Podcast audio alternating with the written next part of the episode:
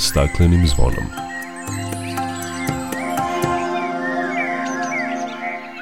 Dobar dan i dobrodošli na Zeleni talas prvog programa Radija Radio Televizije Vojvodine. Ja sam Dragana Ratković.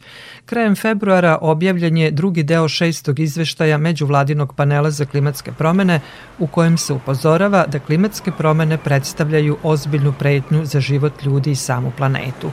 Čućete koji su zaključci tog izveštaja. Povodom 5. marta Dana energetske efikasnosti govorit ćemo o tome zašto je važno povećanje energetske efikasnosti, a povodom 3. marta Dana divljih vrsta zašto je očuvanje divljih vrsta ključno za sve nas. Čućete i kakvi su rezultati nalaza veterinarske inspekcije za ubijene ptice na obali Tamiša kod ribnjaka Sutjeska. Biće reči i o projektu primarne separacije komunalnog otpada u domaćinstvima u Vršcu, kao i kako građani Inđije prijavljuju svoje ekološke probleme. Toliko u najavi o svemu opširnije nakon pozdravne pesme. Dok priroda kraj nas plače za vladarskim svojim tronom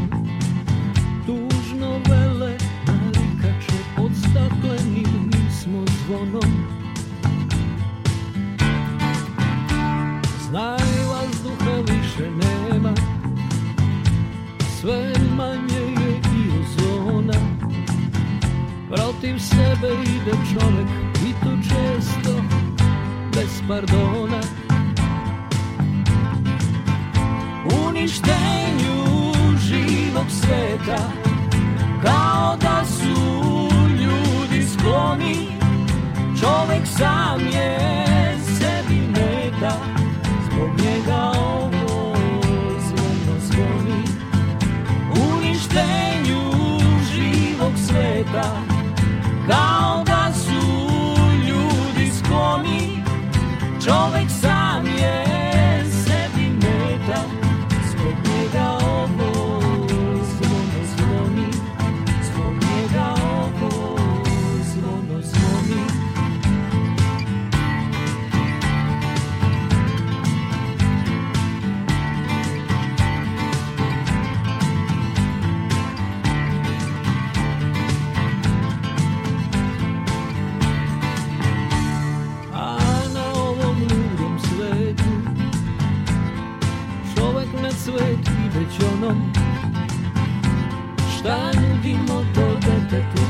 stakleni kad smo zvonom.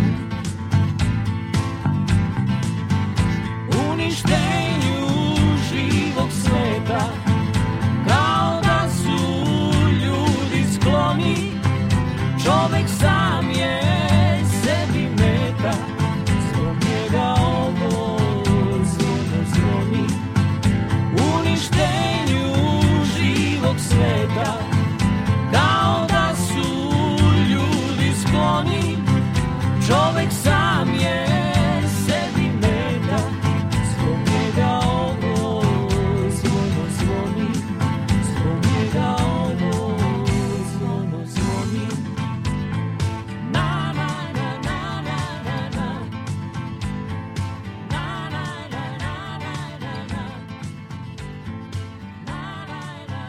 Slušate emisiju pod staklenim zvonom. Krajem februara objavljen je drugi deo šestog izveštaja Međuvladinog panela za klimatske promene u kojem se upozorava da klimatske promene predstavljaju i dalje ozbiljnu pretnju za život ljudi i samu planetu.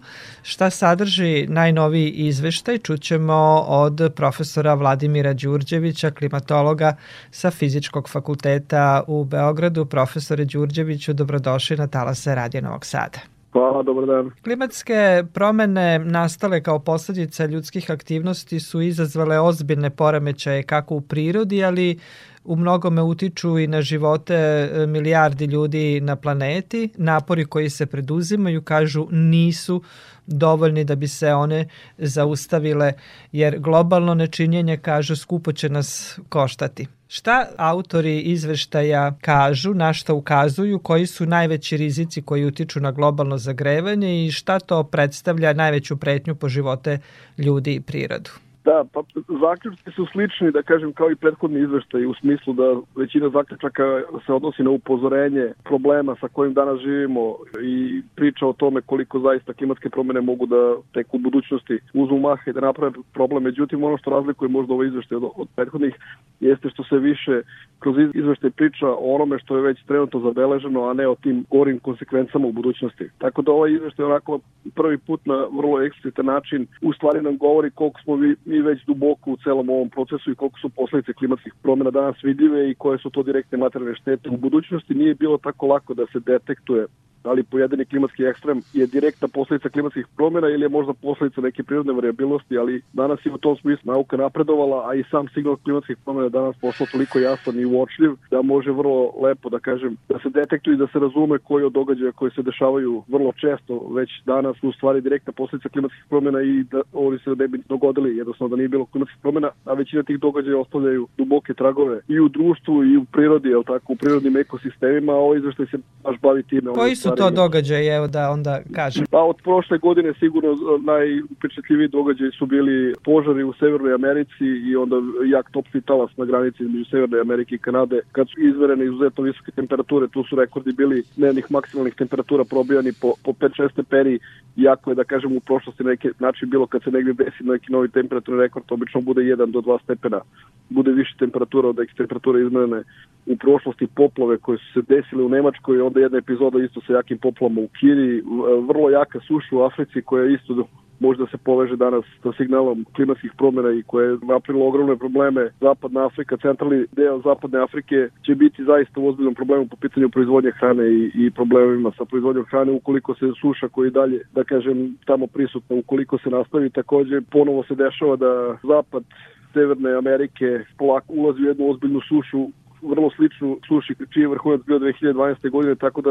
polako počinje da se razmotava nešto što se u nauci zove scenario mega suše koja može da se desi u tom delu sveta. Imali smo velike požare pored poplava u Evropi, imali smo velike požare u, u Evropi. Takođe, posebno su uvukli pažnju bili požari u, u Grčkoj, tako da spisak tih ekstrema je, da kažem, sve gušći, oni se sve češće dešavaju, površine koje su zahvaćene ekstrema su sve sve veće. I ovo izveštaj eksplicitno podlači da ti događaji nisu slučajni, nisu, nisu deo neke prirodne variabilnosti, nego su direktna posledica klimatskih promjena i upozorava naravno budućnosti možemo da očekujemo eskalaciju svega ovoga, a amplituda te eskalacije zavisi koliko ćemo se potruditi da malo skrenemo sa trenutnog puta ili ćemo ipak ostati na putu na, na kome se nalazimo. Tako da u tom smislu ono što je neki novi doprinos izveštajima IPCC-a ove radne grupe 2 jeste eksplicita povezanost onoga što je naš današnji život i klimatskih promjena. I naravno tu je i zaključak da trenutno kako izgleda naša infrastruktura i naše prakse koje su vezane na neki način za klimatske uslove, da smo mi apsolutno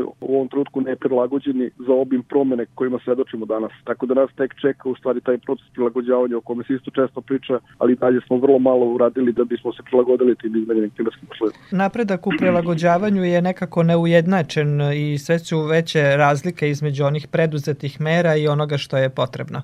Pa, da, to sigurno, pošto već godinama u principu manje više sve zemlje na svetu znaju otprilike u kom pravcu bi trebali da, da idu kada pričamo o prilagođavanju klimatske promjene koje su to mere koje bi mogli da umanje štete koje se beleže i da se smanje svi ti rizici. Međutim, implementacija tih mera ide vrlo sporo. Neki put, da, da kažem više iz nekog razloga, ne nemara, ali možda neke nezainteresovanosti, ali neki, neki put se radi o tome da neke od tih mera su izuzetno komplikovane za implementaciju, složene, možda ne toliko finanski zahtevne koliko su ti finanski mehanizmi da bi, da bi se krenulo implementaciju složeni i nekad i ponekad komplikovani. Tako da u principu manje više ceo svet i kasni kada pričamo o prilagođavanju i to smo opet najbolje mogli da vidimo prošle godine, u stvari, kad su bile poplave u Nemačkoj. Jednostavno infrastruktura koja je u tom delu Evrope postojala za odbranu od poplova je bila apsolutno neadekvatna za odbranu od poplova. Videli smo da je bilo preko 200 e, stradalih, da su neki gradovi bili malte ne, da kažem, sravljeni e,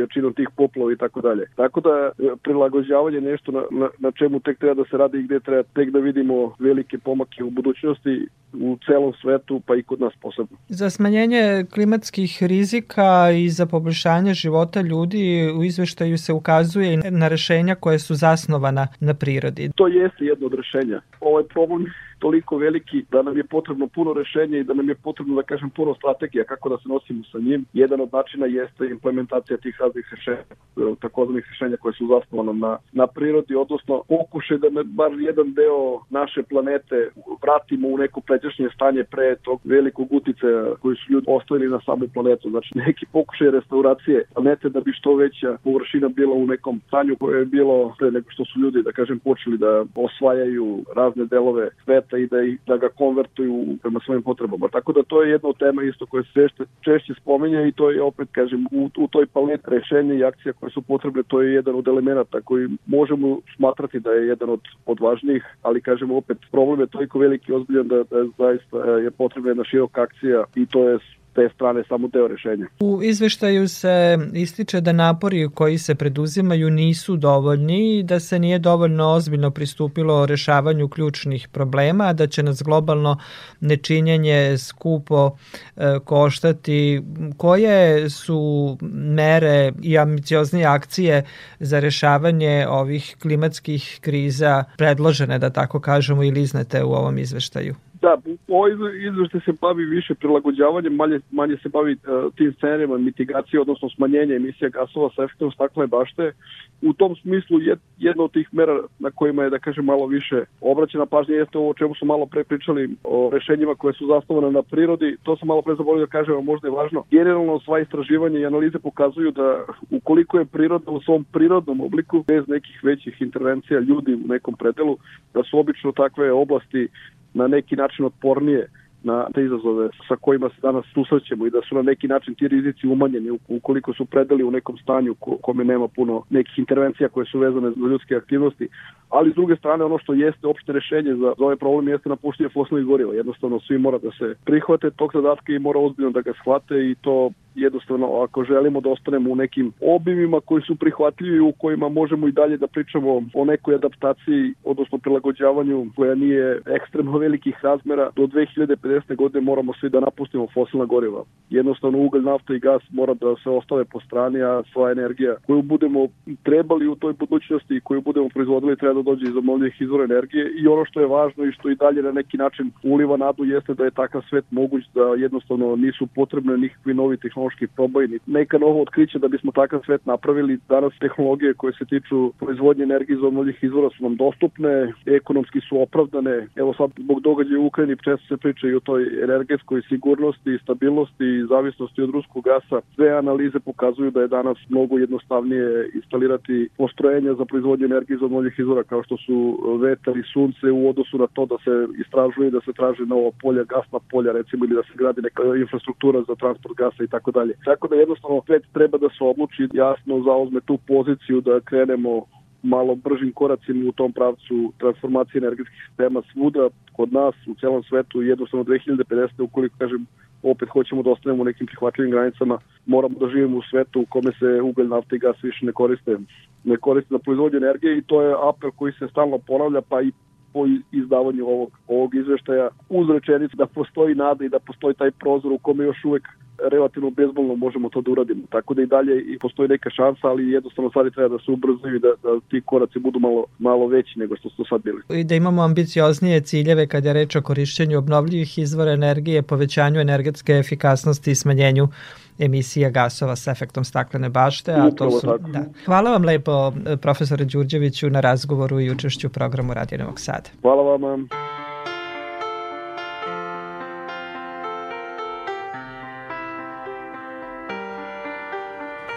I let it fall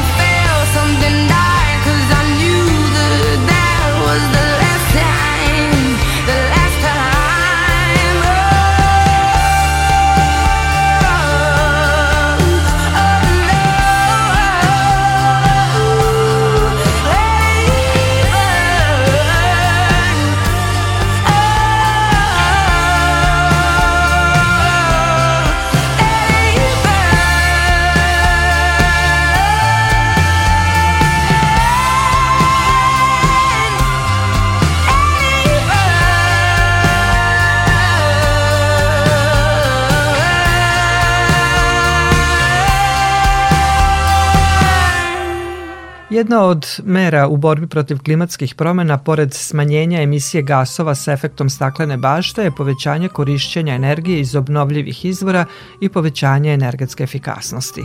U svetu je juče 5. marta obeležen Dan energetske efikasnosti u čast prvog sastanka svetskih stručnjaka koji je na tu temu održan 1998. godine u Velsu u Austriji. Koliko je važno povećanje energetske efikasnosti, posebno sada u vreme energetske krize i koji su načini povećanja energetske efikasnosti, razgovaram sa programskim direktorom RES fondacije, gospodinom Aleksandrom Macurom. Gospodine Macura, dobar dan i dobrodošli na Talase Radio Novog Sada. E, dobar dan, e, hvala što ste me pozvali. E, pozdrav svim onima koji slušaju vaš program. Pa sami ste rekli u ovo doba energetske krize čini mi se da će biti sve manje potrebno objašnjavati značaj energetske efikasnosti zato što će i pojedinci i privredna društva i javni sektor biti informisani putem računa koliko je značajna energetska efikasnost. Prošle godine smo tu u Novom Sadu na Međunarodnim danima energetike i investicija pričali o tome kako je nekada dopis iz države, iz ministarstva u javni sektor podsticao e, rad na energetsku efikasnosti. Ove godine će to biti dopisi snabdevača energijom koji će biti veoma neprijatni. E, suočit ćemo se sa cenama kakve nismo navikli da gledamo i svi mi i u privredi i u javnom sektoru i pojedinci e, neku u većoj, neku u manjoj meri ćemo početi da razmišljamo kako da smanjimo te račune. Energetska efikasnost je tu da u tome pomogne. Energetska efikasnost je, da kažem, skup znanja, veština, tehnologija koji nam omogućavaju da postignemo isti rezultat sa manje energije. Dakle, ušteda energije nije isto što je energetska efikasnost. Mi možemo smanjimo obim nekog posla, možemo da smanjimo komfor u kome uživamo, ali energetska efikasnost nam služi da zadržimo ono za što smo koristili energiju, dakle da postignemo iste rezultate sa manje energije. Lakše reći nego učiniti, potrebno je investirati vreme, znanje i finansijske resurse, prostor postoji. Možda da dodam i to da u vremenu kada se suočavamo ne samo sa visokim cenama energije, nego i sa potencijalnim krizama u snabdevanju, energetska efikasnost daje i, i mnogobrojne, da kažem, javne koriste. Jedna od njih je što povećava energetsku sigurnost na taj način što vam manje energije treba da obavljate uobičajene poslove to vam je lakše da je nabavite i u kriznim momentima. I na kraju i ne najmanje bitno da dodam samo i to, veoma je važno da se poveća produktivnost, unapređenje energetske efikasnosti je svakako i unapređenje produktivnosti. Naše društvo troši mnogo energije da bi napravilo relativno malo dodate vrednosti. Dakle, biti energetski efikasan znači da se energija upotrebljava na racionalan način, bez odricanja. I Svetski dan energetske efikasnosti je eto prilika da se dodatno informišemo o energetskoj efikasnosti, načinima racionalnog korišćenja energije, odnosno primeni energetske energetske efikasnosti u svakodnevnom životu i da na neki način podignemo svest o racionalnom upravljanju energije. Stalno ponavljamo, evo i vi ste sada rekli kako Srbija koristi više energije od drugih zemalja i kako da budemo energetski efikasniji i racionalnije trošimo energiju sada kao što smo rekli u vreme ove energetske krize? Naprosto mora da se investira i mora da se investira pametno. Dakle, mora da se investira u nove tehnologije ili da se investira vreme u savladavanje veština i znanja koje će nam pomoći da efikasnije trošimo energiju. Naša neefikasnost nije samo ono što najčešće mi pomislimo, zgrade su nam neefikasne, tačno i to, ali u, u sistemu od proizvodnje do potrošnje energije, dakle u celom lancu postoji značajan prostor za unapređenje e, efikasnosti. Evo mogu kažem tri primera, tri energetska pretvarača u, koja su veoma bitne u energetskom bilansu e, Republike Srbije i svake druge zemlje, ako počnemo od termoelektrane, naše termoelektrane su izuzetno niske efikasnosti, znači neefikasnosti koje se leti negde oko 30%. Putnički automobil je sam po sebi jedan od najneefikasnijih energetskih pretvarača koje čovečanstvo koristi, ako nije i najneefikasniji. I tamo imamo efikasnost koja je verovatno u stvarnom životu ispod 30%. I često zaboravljena moja omiljena tema, jedan individualni uređajan šporet na drva koji je glavni uređaj za grejanje u milion domaćinstva u Srbiji, u stvarnom životu takođe ima efikasnost negde oko 30%. Ako vi bacite dve trećine energije u procesima pretvaranja, onda ste u startu jako, jako puno zaostajete. Nisu tu moguće nekakve, da kažem, čarobni štapići, ali su moguće, moguća značajna povećanja. Naravno, ako hoćete da promenite staru elektronu novom, pričamo o ogromnim investicijama, ali nema drugog načina da postanete bolji nego što ste bili, nego da investirate u promenu. Nešto je sada i, i iz budžeta Republike Srbije sredstva koja dolaze iz kredita, čini mi se međunarodnih finansijskih institucija, su posljednje godinu dana počela se trošiti za podršku domaćincima za unapređenje energetske efikasnosti. To je kap u moru, moraće da se investira, da kažem, na nivou preduzeća pojedinaca i javnog sektora i morat će država da obezbedi onima koji ne mogu sami da to urade našim sredstvima, parama poreskih obveznika. Ja mislim da je to u redu, ja mislim da je to isplativo, ja mislim da je to jedan od najboljih načina da se potroše pare poreskih obveznika. Novac i znanje i vreme. Dakle, to su tri stvari koje ćemo morati da damo da bismo dobili više za energiju koju trošimo, a to je pitanje ogromne važnosti u periodu koji dolazi. Bez energije danas ne možemo da funkcionišemo, to je svima jasno jer je koristimo za različite svrhe, ali način na koji je koristimo svakako možemo da menjamo jer to svakako utiče i na životnu sredinu i na naš život. Koje su to najčešće mere Vi ste spomenuli neke koje možemo možda i sami da preduzmemo u cilju smanjenja gubitka energije i povećanja energetske efikasnosti. Pa da, evo, vlada Republike Srbije uz pomoć Evropske unije pripremila recimo program uh, unapređenja kvaliteta vazduha. Nije ga iz nekog razloga još uvek usvojila, ali u programu unapređenja kvaliteta vazduha kaže ako hoćemo da udišemo vazduh koji je propisan našim zakonskim normama, moramo prvo konačno rešimo pitanje emisije sumpor dioksida i termoelektranama, ono prestanemo da emitujemo to i moramo da zamenimo, sad slagaću vas za koji procenat, otprilike 70% grejnih sistema u Republici Srbiji. Dakle, to je ono što je recimo viđeno kao jedan, jedan od problema u ovom aspektu zagađenja životne sredine, a to je veoma povezano sa efikasnošću uređaja. Sami nekim merama ponašanja takođe možemo nešto uraditi, evo sad u ovim kriznim vremenima i u vremenu sukoba rusko-ukrajinsko koji utiče na gasno snabdevanje, vidim sad ponovo razne savete u javnom domenu na zapadu o tome kako se štedi energija, ali to nije više energetska efikasnost. Znači, ono što mi možemo najčešće sami da uradimo je da smanjimo komfort, da snizimo temperaturu, prostora u kome boravimo i tako dalje i tome slično. Neke brze i relativno jeftine mere se tiču stolarije, ne mora nužno bude zamena, dakle može da se učini nešto da zaptivanje bude bolje nego što trenutno jeste, e, izolacija relativno jeftinim tehnikama gornjih ploča u individualnim e, stambenim objektima takođe možda prvi korak koji možemo uraditi. Sve to košta, ali to košta manje, a čini mi se donosi najveće mere. Bilo bi divno da svi možemo zamenimo objekte super savremenim novim pasivnim gradama. Taj film nećemo gledati sigurno još 20 godina. Svi da dođemo u tu poziciju. Dakle, moramo umeđu vremenu da vodimo računa kad već investiramo, recimo u zamenski uređaj za grejanje, da se informišemo. Nekada se desi da sa istim parama kupimo lošije Dakle, da se informišemo, to je ono što svako može da uredi. Da čitamo, da čitamo, potrošimo nešto vremena, da razumemo, pitamo one koji nešto bolje znaju, komšiju, prijatelja, profesora, da pratimo koliko god možemo, to vredi, to se isplati. U svakom slučaju samo od sebe se neće dogoditi. Da, pa eto, Svetske dane energetske efikasnosti je i prilika da budemo informisani o tome koliko znači energetska efikasnost, a biti energetski efikasan je danas sve prihvatljiviji model ponašanja u razvijenim zemljama i da bismo sačuvali nekako i svoje prirodne resurse za buduće naraštaje. Dakle, potrebno je da se svi uključimo u racionalnije trošenje energije. Gospodine Matura, hvala vam lepo za razgovor i učešće u programu Radija Novog Sada.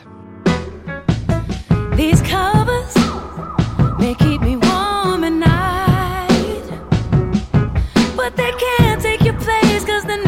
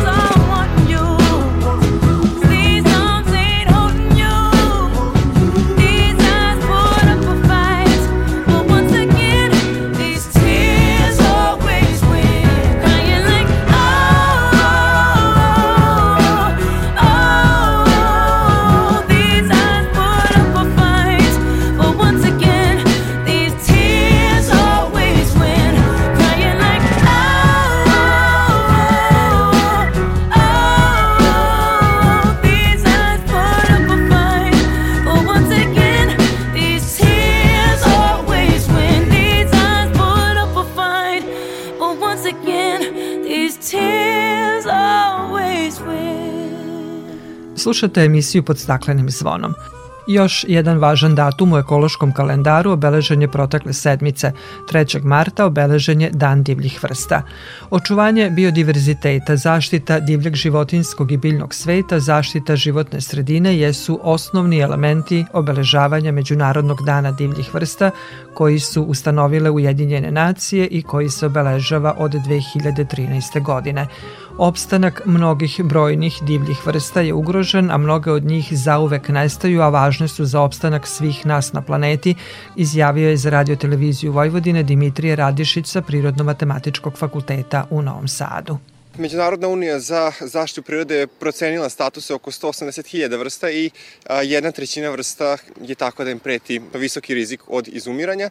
Veliki deo vrsta nismo ni opisali još uvek i iz tih razloga možemo da procenimo sa priličnom sigurnošću dakle da je svaka treća vrsta može da izumre u narednih tri generacije. To su izuzetno loše vesti iz razloga što je ta stopa izumiranja, ta brzina izumiranja u stvari je bliska izumiranju koje se dešavalo za vreme masovnih izumiranja u našoj geološkoj prošlosti. Takvih je bilo pet epizoda i one su se dešavale nakon velikih ekoloških katastrofa. I tada se svet menjao praktično iz korena, odnosno tada su se e, ekološki uslovi na koje smo između ostalog i mi prilagođeni, menjali su se u potpunosti.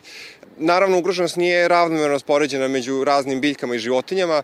Primer radi ugroženo je oko 15% ptica, oko 25% sisara, oko 35% korala i četinarskog drveća, oko 40% vodozemaca. Postoje neke manje grupe kao što, na primer, jesetarske ribe, koji su sve vrste ugrožene, odnosno ne postoji ni, ni jedna koji ne preti rizik od iščezavanja, tako da situacija je dosta loša. E sad, svaka vrsta ima svoje mesto u prirodi, nestajanje svake vrste dovodi do nesagledivih posledica koje ne možemo ni da predvidimo i samim tim menja se ekološka ravnoteža naše planete. Mi smo prilično usko prilagođeni na e, ekološku ravnotežu koja postoji sada. Nije teško izmeriti koliko nam e, pojedine vrste biljaka i životinja ili cele grupe znače. Recimo, ne možemo da zamislimo šta bi se desilo kad bi izumrli polinatori, oprašivači, pčele, gumbari, osolike, muve, leptiri. Danas znamo da mnoge od takvih vrsta su ugrožene. Dakle, znamo kako to direktno može da utiče na, na nas ljude, a mnoge od posledica i ne znamo. Priroda je povezani sistem i mi od nje u potpunosti direktno zavisimo. Odgovornost je na nama. Naša briga za životnu sredinu je traje od nedavno. Nedavno smo shvatili da je to vrlo važno pitanje i gubitak biodiverziteta, odnosno divljih vrsta je podjednako bitno e, pitanje kao recimo klimatske promene ili kao, na primer, zagađenje. Nažalost, to su pitanja kojima kao čovečanstvo ne posvećujemo dovoljno pažnje, iako postoje mnogi pozitivni koraci, mnogo smo toga uradili da se spasu pojedine vrste. Zanimljiva i lepa lokalna e, priča je o ptici modrovarni, čija populacija se oporavila zahvaljujući postavljanju vešačkih kućica koja, koja ta vrsta koristi. U Srbiji smo reintrodukovali dabra, dakle vratili smo svoje istorijska staništa. Čini se da oro krstaš koji je do nedavno bio i sada je simbol ugrožene, kritično ugrožene vrste u našoj zemlji. Imamo populaciju koja polako pokazuje trend porasta, međutim to su uglavnom vrste u čiji oporavak ulažemo mnogo. Potrebno su ozbiljne ulaganja i ozbiljne energije da bi se priroda oporavila. Nisam siguran koliko mi za to imamo resursa i koliko imamo vremena. Dakle, mi shvatamo da je priroda važna, ali sada smo u fazi trke sa vremenom da li ćemo pre zaustaviti negativne procese ili ćemo napraviti štetu posle koje nećemo moći da stvari popravimo.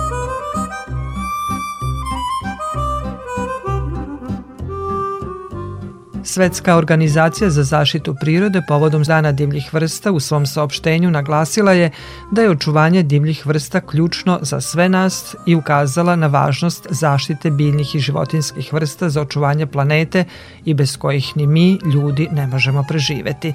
Tim povodom moja sagovornica je iz kancelarije WWF Adria u Beogradu, Iva Svilar. Iva, dobrodošli na Zeleni talas Radio Novog Sada. Dobar dan, hvala vama na pozivu. Svetski dan divljih vrsta je nekako prilika da se podsjetimo na važnost očuvanja divljeg sveta i vrsta i potrebe da još jednom ukažemo da je veoma važno da živimo u skladu sa prirodom jer svakodnevno nepovratno sa planete Zemlje nestaju brojne divlje vrste, na što ukazuje i posljednji WWF-ov izveštaj o stanju planete. Tako je. Stabilna klima i uslovi života u kojima je čovečanstvo uživalo kroz istoriju koji su omogućili u stvari našoj vrsti da ovako napreduje i brzano raste rezultat jednog složenog sistema. Biodiverzitet, odnosno biološka raznovrsnost je veoma bitan deo tog sistema jer se mi u stvari oslanjamo na živa bića i složene interakcije između njih kako bismo imali čist vazduh, pijeću vodu i uslove neophodne za uzgoj hrane. Populacije divljih vrsta, nažalost, širom sveta opadaju. U proseku su, prema nekim istraživanjima, opale za 68%, a ovaj trend se još uvek ne usporava. Opadanje brojnosti divljih vrsta i gubitak njihovih prirodnih staništa su u najvećoj meri posledice ljudskih aktivnosti i to opadanje u stvari sprečava živi sistem da funkcioniše na način koji je i nama potreban da bismo ispunili potrebe sve većeg broja ljudi na planeti. Tokom poslednjih nekoliko decenija ljudskim aktivnostima su uništene i degradirane i šume i pašnjaci, močvare i drugi bitni ekosistemi. Već je znatno smanjeno i izmenjeno 75% kopnene površine zemlje koja nije pod stalnim ledom, Okeani su e, većinom zagađeni, a izgubljeno je i preko 85% močvarnih oblasti. Ovo uništavanje ekosistema je dovelo do toga da milionima vrsta preti izumiranje. Po nekim podacima kojima mi raspoložemo, to je oko 500.000 životinja i biljaka i 500.000 insekata. A mi možemo naravno sprečiti ova istrebljenja ako očuvamo i obnovimo prirodu. Izuzetno je važno da preduzmemo neophodne mere za preokretanje stvari ovog trenda i za ravnjenje u stvari te krive gubitka biodiverziteta.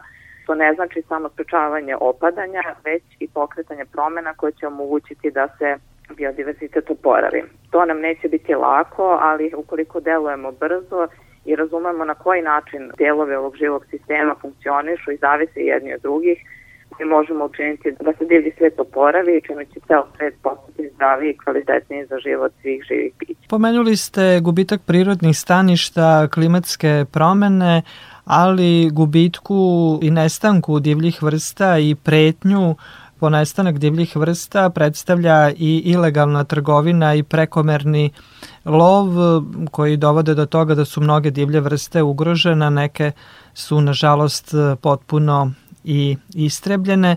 Kako bi se podigla svest o pretnjama po opstanak biljnog i životinskog sveta, Ujedinjene nacije su 3. mart proglasile za Svetski dan divljih vrsta, ali ovaj datum se podudara i sa datumom stvaranja konvencije o međunarodnoj trgovini ugroženim vrstama divlje faune i flore, to je takozvana i poznata CITES konvencija koja je doneta još 1973. godine. Tako je, jedna od najvećih pretnji divljim vrstama je u stvari nezakonito trgovine stvaranje. WWF u Srbiji i u regionu radi na projektu koji se zove suzbijanje kažnjeg dela nad divljim vrstama u Evropi i taj sam projekat se odnosi na rad sa institucijama i nadležnim organima kako bi se prečela vrsta kažnjenih dela u našoj zemlji Evo, skoro smo imali slučaj koji su svi mediji propratili vezano za mladunče lava koje se nezakonito držalo u Budvi.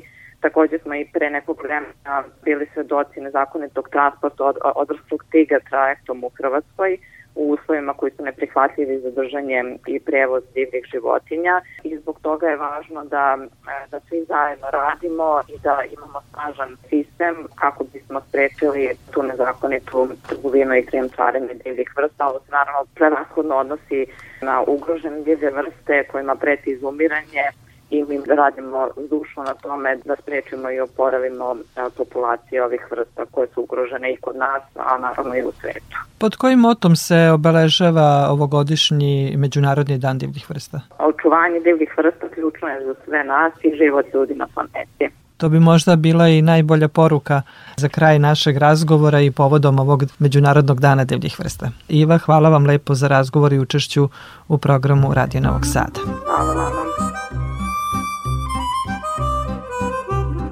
U našoj zemlji su zakonom zaštićene 2633 divlje biljne i životinske vrste, od čega 1783 spadaju u kategoriju strogo zaštićenih. Muzejski savjetnik u Prirodnjačkom muzeju u Beogradu Milan Paunović kaže da u najugroženije vrste u našoj zemlji spadaju stepski skočimiš, tekunica, slepa krtica, ris, mrki medved i stepski tvor. Kao faktori koji doprinose ugrožavanju divljih biljnih i životinskih vrsta u Srbiji navodi se nesavestan odnos prema prirodi, krijumčarenje divljih životinja i stradanje jedinki u drumskom saobraćaju, ali i nekontrolisani lov i krivolov. Pre 20 dana Društvo za zaštitu i proučavanje ptica Srbije objavilo je vest da je na obali Tamiša kod ribnjaka Sutjeska ubijeno 64 ptice, od kojih su neke zaštićene. Nakon istrage i analiza utvrđeno je da je u pitanju ptičiji grip. Veterinarska inspekcija sprovodi propisane mere. O tome Jelena Milićević. Na obali Tamiša pronađeno je 64 ptice zaštićene vrste, a Društvo za zaštitu ptica tvrdilo je da su ptice pobijene iz oružja. Međutim, nakon obdukcije utvrđeno je da je u pitanju ptičiji grip tvrdi Novak Kovačević, šef veterinarske inspekcije. Nalazi obdukcije su pokazali da nema tragova ustrelnih i prostrelnih rana, odnosno da smrt nije nastupila, odnosno ginuće usred dejstva vatrenog oružja. Toksikologija je takođe bila negativna, a kod jednog uzorka leša bele čaplje, čiji su organi bili pogodni, nisu bili, da kažem, u toj fazi raspadanja, bili pogodni za virusologiju, utvrđeno je prisustvo virusa avijerne influence, odnosno ptiče gripa. Uprava za veterinu donela rešenje kojima se proglašava ugroženi i zaraženi krug, to je od žarišta te zarazne bolesti.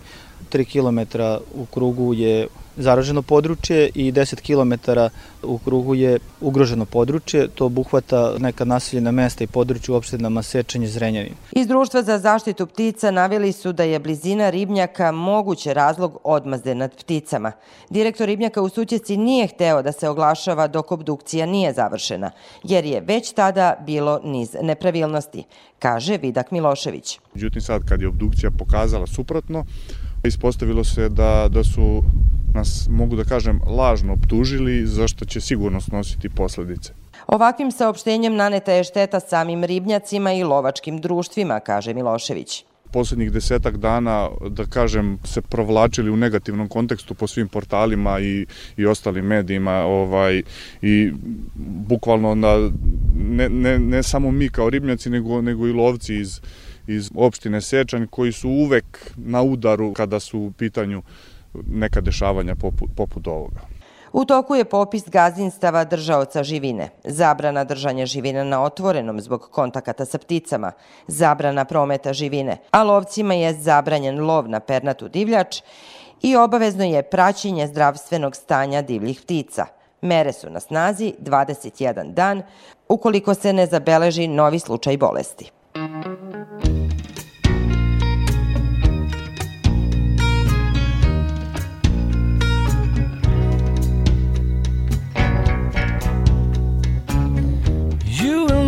Be man of this world.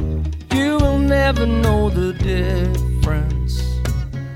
You don't care for that, that is not for you.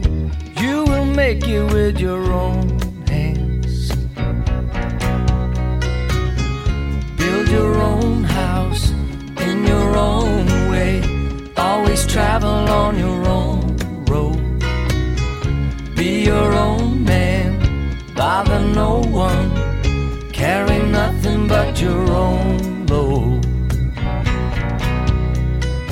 Never is a real long time, never is a real long time.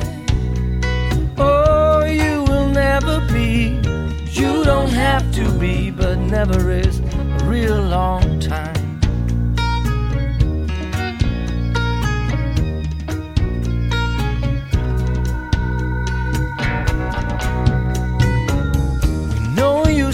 Your mind and you're truthful. Oh. You can make us hang on every word.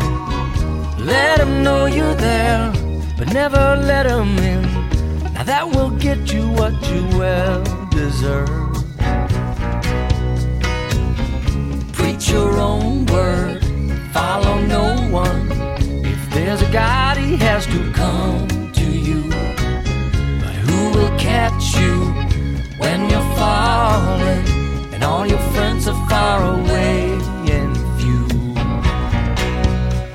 Oh, never is a real long time. Never is a real long time. Oh, you will never be. You don't have to be, but never is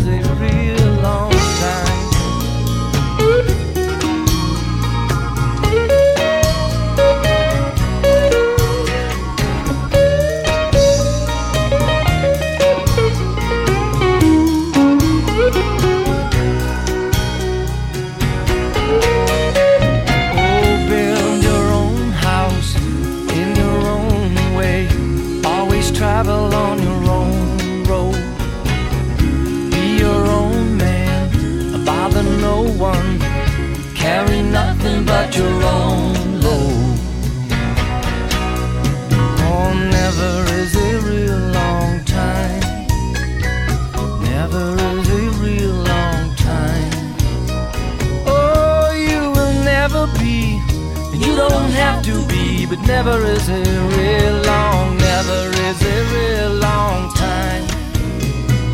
Never is a real long time. Oh, you will never be, and you don't have to be, but never is a real long time.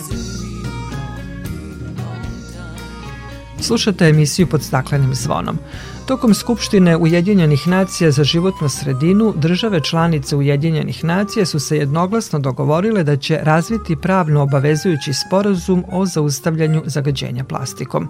Taj sporazum predstavlja jednu od najambicioznijih svetskih ekoloških akcija još od Montrealskog protokola iz 1989. godine, kojim je ukinuta upotreba substanci štetnih za ozonski omotač. Usvojena rezolucija Ujedinjenih nacija rezultiraće čvrstim sporazumom koji sadrži globalna pravila i obaveze za ceo životni ciklus plastike. Na osnovu pomenutih pravila, države, preduzeća i društvo imaće obavezu eliminisanja plastičnog zagađenja iz svog okruženja. O ovome ćemo sigurno detaljnije pričati u nekoj od naših narednih emisija, a sada se vraćamo upravljanju otpadom kod nas. U saradnji javno-komunalnog preduzeća Čistoće i zelenilo grada Zrenjanine i kompanije Remondis Madison DOO na prostoru ispred gradske kuće na glavnoj autobuskoj stanici i u tržnom centru Big postavljene su kante za odlaganje zaštitnih maski jer je nakon izbijanja pandemije virusom korona slika upotrebljenih zaštitnih maski na zelenim površinama, trotoarima oko kontejnera postala sve češća.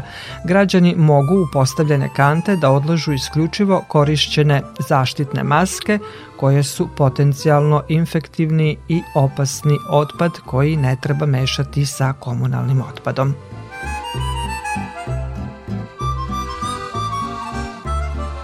A javno-komunalno preduzeće 2. oktobar i grad Vršac započeli su pilot projekat primarne selekcije komunalnog otpada u domaćinstvu koji će biti realizovan na nekoliko lokacija u gradu.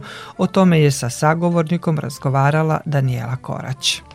Mnogobrojne aktivnosti uključene su u pilot projekat koji se prvi put održava u našem gradu. U okviru projekta biće obuhvaćene površine na trgu Andreja Lukića kao i nasilju Staklenik. Nešto više o samom e, projektu i akcijama u narednom periodu reći će nam Sloba Jovanov. Grad Vršac e, zajedno sa javnim komunalnim preduzećem 2. oktobar započeo je e, jedan pilot projekat, u pitanju je primarna selekcija otpada, odnosno u ovom slučaju prikupljanja otpada koji obuhvata oko 3% naših domaćinstava. Ovim e, projektom u stvari mi njima dodeljujemo drugu kantu koja će omogućiti našim sugrađanima koji su uvek pokazivali visoku ekološku svest da daje mogućnost da odlože suvi otpad i mokri otpad u te kante. Pored kanti, građanima naravno podeljeni su i edukativni flajeri kao i e, kese za staklenu ambalažu, odnosno za staklo. Koliko će trajati projekat? Pilot projekat je pokrenut 1. E, marta i podela kanti će biti do kraja meseca, a sam projekat će trajati, odnosno pilot projekat trajaće do kraja godine. Već prve rezultate ćemo imati već u toku naredne nedelje, a generalno sumirat ćemo rezultate do, do kraja godine, prikupiti ih i sagledati kako možemo da, da ceo taj projekat sprovedemo na celoj teritoriji grada Vršca. Šta kažu podaci na terenu, s obzirom da, da tala svest nekako nije bila prethodnih godina, bar na visokom nivou kada je u pitanju otklanjanja otpada, e, kakva je trenutna situacija i što se tiče deponija, ali oko stambenih objekata? Pa generalno, s obzirom eto, da nas je ova epidemiološka situacija u zadnje dve godine potpuno promenila i ljudi su se okrenuli ka ekologiji i ljudi su zadovoljni i sad ovih prva dva, tri dana kako smo dijelili kante rado prihvataju i mislim da će to uroditi vrlo dobro. Hvala vam puno. Građani Inđije za prijavu ekoloških problema na teritoriji opštine koriste aplikaciju i ekološki informacioni sistem.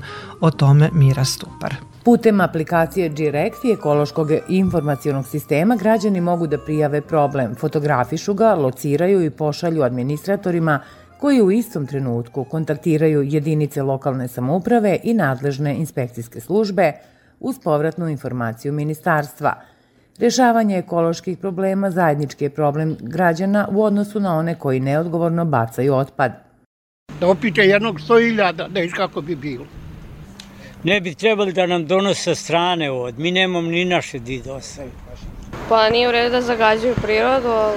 Građani putem aplikacije direktno prijavljuju sve ekološke probleme Operativnom centru Ministarstva za zaštitu životne sredine, a putem aplikacije mogu pratiti status realizacije prijavljenog problema. Za teritoriju opštine Inđija bilo je desetak prijava građana koje su pristigle na adresu Odeljenja za inspekcijske poslove. Prijavljeni problemi odnose se na zaštitu životne sredine, uglavnom na formiranje divljih deponija na nama već poznatim lokacijama u naseljenim mestima Indijske opštine, kao i na odlaganje komunalnog otpada na površinama javne namene u manjem obimu. Uloga inspektora za zaštitu životne sredine, odnosno komunalnih inspektora, da izađu na teren, da utvrde činično stanje i da odgovarajućim merama a, reaguju i otklone navedeni problem. Građani će dobijati i važna upozorenja o vremenski kritičnim prirodnim i komunalnim dešavanjima, koja su od značaja za sigurnost građana imovine, odnosno za očuvanje životne sredine.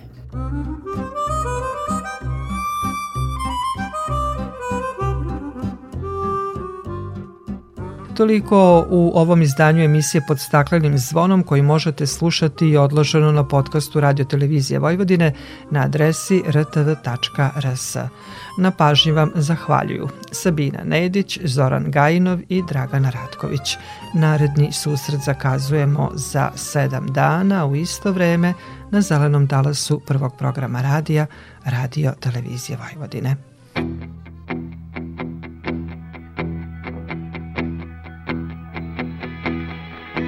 When you're lost in the rain in Juarez, and it's Easter time too. And your gravity fails and negativity don't pull you through. Don't put out any airs when you're down on Rue Morgue Avenue. They got some hungry women there that really make a mess out of you.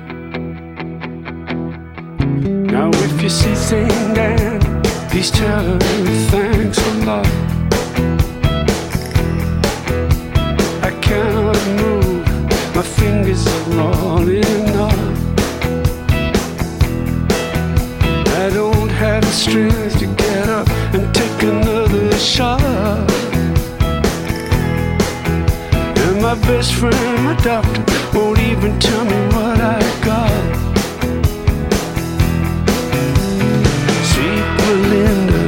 peasant's called the goddess of gloom. She speaks good English and she takes you to her room. And you're so kind and careful not to go to her too soon. And she takes your voice and leaves you howling at